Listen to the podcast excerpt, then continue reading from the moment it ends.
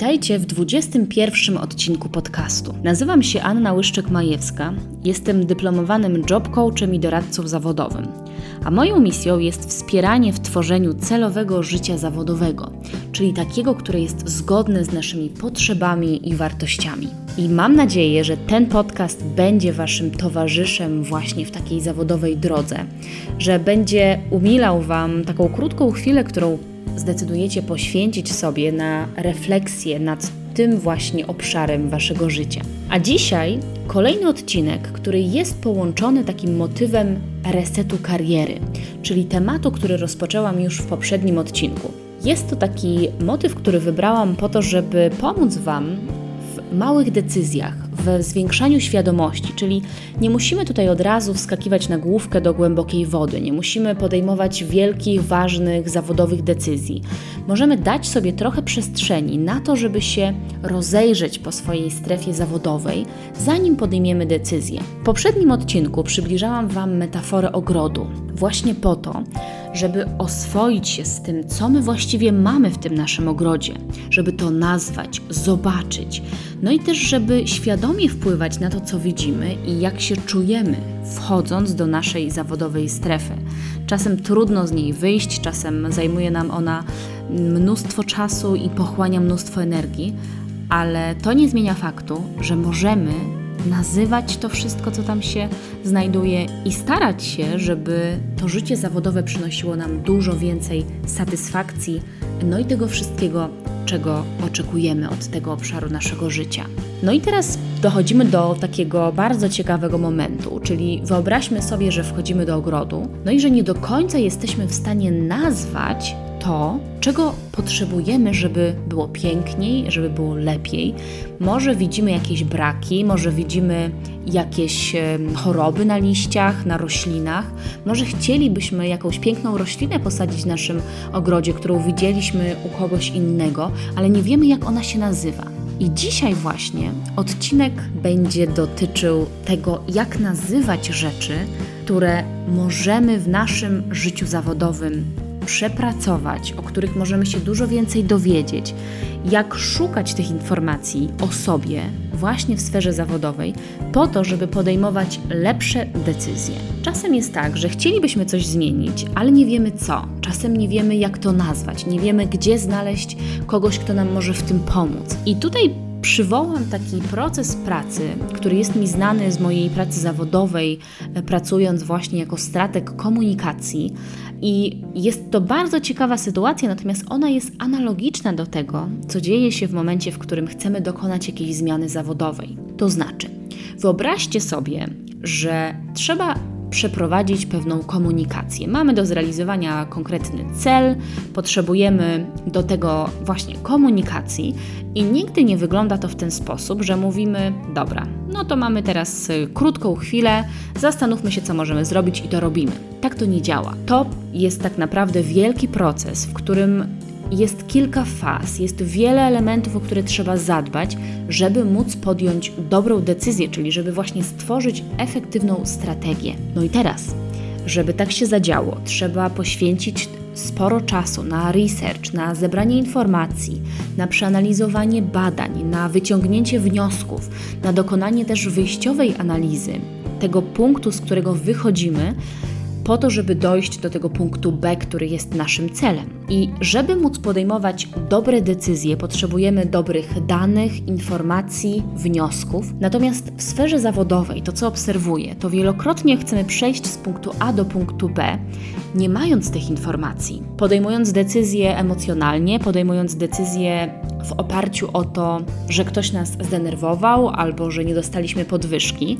I mam wrażenie, że poza takim poczuciem, że targa nami chęć zmiany, rzadko dzieje się tak, że wiemy na podstawie jakich informacji najlepszą decyzję w naszym życiu zawodowym warto podejmować. I właśnie dlatego znalazłam bardzo ciekawe badanie, które było interesującym materiałem do mojej pracy, kiedy studiowałam, kiedy wyszukiwałam informacje na temat tych szczegółów właśnie, którymi zajmują się doradcy zawodowi. I trafiłam na bardzo interesujące badanie, jest to ogólnopolskie badanie doradców zawodowych. I jest w tym badaniu taki punkt, który może być niezwykle użyteczny dla wszystkich nas, czyli dla osób, które świadomie pracują nad swoją sferą zawodową. Chodzi tutaj o sekcję, w której doradcy zawodowi podzielili się listą tematów, z którą pracują. Wiele z tych tematów to również są punkty, które pojawiły się w trakcie moich indywidualnych konsultacji na przestrzeni właśnie ostatnich e, lat.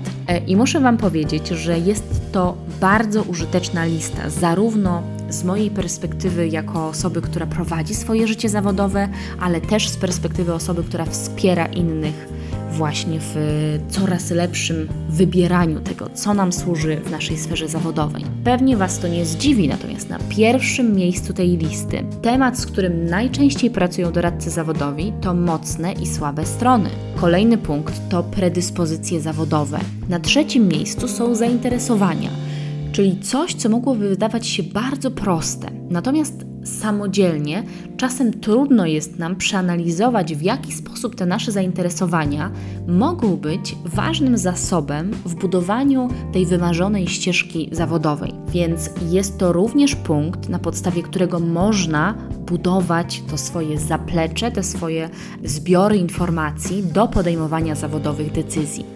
Kolejny punkt, czwarty, to kompetencje, czyli wiedza, umiejętności i postawy. Punkt piąty to zdolności i uzdolnienia. Punkt szósty to planowanie ścieżki edukacyjno-zawodowej, później dokumenty aplikacyjne, CV, list motywacyjny. Na dalszej pozycji rynek pracy, później wartości. Na kolejnej pozycji jest system i rynek edukacyjny, osobowość, poznawanie zawodów, czyli taki punkt, który wydaje się być banalnie prosty, wcale taki prosty nie jest, bo być może właśnie my nie znamy takiej ilości zawodów, która otworzyłaby nam drzwi do tego wymarzonego świata zawodowego, o którym marzymy, a którego nie, nie potrafimy nazwać. Dalej na liście znajduje się autoprezentacja, metody poszukiwania pracy, ustalanie celów, motywacja, stan zdrowia, komunikacja interpersonalna, uczenie się przez całe życie, proces rekrutacji i selekcji, a także przedsiębiorczo. Ta lista tematów jest bardzo zróżnicowana, ale ona pokazuje też piękną rzecz. Ona pokazuje, jak wiele różnych informacji my możemy na temat siebie jako pracownika, na temat siebie jako osoby, która jest świadoma tego, że prowadzi życie zawodowe, które nie jest przypadkowe, ale właśnie jest celowe, jak wiele tych informacji możemy pozyskać. Nie wszystkie pewnie jesteśmy w stanie przeanalizować dokładnie sami, czasem warto skorzystać z pomocy specjalisty, natomiast myślę, że już sama świadomość tego, gdzie szukać tych swoich zasobów, gdzie szukać informacji o tym, co dla nas jest ważne, co potrafimy, co już mamy, jak to wszystko odnosi się do tego rynku pracy, czy tej branży, kategorii, do której dążymy, jest to naprawdę bardzo ciekawe źródło wiedzy. Także dzisiaj to jest właśnie lista, z którą chciałabym Was zostawić. Jeżeli czujecie, że w Waszej sferze zawodowej potrzeba zmian, ale trochę nie wiecie na co postawić, co jest dokładnie tym punktem zapalnym, albo właśnie od którego źródła informacji się odbić, to pamiętajcie o tej liście i wracajcie do niej, ilekroć właśnie będzie Wam potrzebna taka większa jasność, po to, żeby zobaczyć, czy któryś z tych punktów nie powoduje u Was właśnie takiego momentu, aha, no właśnie, może w którymś z nich są ukryte dla Was wskazówki, może to jest na przykład chęć poznania swoich mocnych stron i na tym budowania swojej kariery, może to jest chęć pracy opartej o wartości, może to jest moment, w którym potrzebujecie na przykład świadomości tego, jakie zawody istnieją, jakie zawody pokrewne w Waszej branży funkcjonują, albo po prostu potrzebujecie pomocy w przygotowaniu dokumentów aplikacyjnych. Także pamiętajcie, że tych źródeł wiedzy, które mogą Wam pomóc w budowaniu decyzji zawodowych, jest naprawdę dużo. A to oczywiście przykłady, które jak już wspominałam, pochodzą z ogólnopolskiego badania doradców zawodowych, które dla mnie okazało się być bardzo interesujące, pełne różnych insightów, ciekawych obserwacji e, i też bardzo odkrywczych informacji, właśnie przyglądając się temu, jak ten rynek wygląda. I mam nadzieję, że również dla Was, jako dla osób, które chcą tworzyć swoją karierę, swoje życie zawodowe świadomie, będzie to przydatne. Więc jeżeli po poprzednim odcinku mieliście okazję i chęć na to, żeby zastanowić się nad tym waszym ogrodem zawodowym, nad tym, co tam jest, czego tam brakuje, nad tym, jak się tam czujecie, to dzisiaj zapraszam Was do tego, żeby wrócić do tego ogrodu i ponazywać to, czego Wam brakuje, to, co domaga się uwagi, i dzięki temu łatwiej będzie Wam zorientować się, w czym i w jakim kierunku, w jakim obszarze potrzebujecie wsparcia, potrzebujecie informacji albo potrzebujecie tej chwili, którą sami sobie poświęcicie na to, żeby przyjrzeć się temu obszarowi swojego życia zawodowego. Do tego jak zwykle Was bardzo zachęcam. No i też zachęcam Was, żeby budować swoje rytuały. O tym już mówiłam wielokrotnie i ten podcast też powstał jako takie uzupełnienie rytuału, w którym możemy usiąść na 15 minut z filiżanką kawy, z gorącą herbatą i poświęcić sobie krótką chwilę właśnie na to, żeby sprawdzić, jak my się w tej naszej sferze zawodowej czujemy. Czy są jakieś tematy, które wymagają wsparcia? Czy są jakieś obszary, które nas uwierają? Czy jest coś, co odkładamy na później, czego nie realizujemy, a co rzeczywiście domaga się uwagi i coraz bardziej chce być zauważone. Więc jeżeli takie obszary są, to taki rytuał to może być nawet 15 minut raz na tydzień.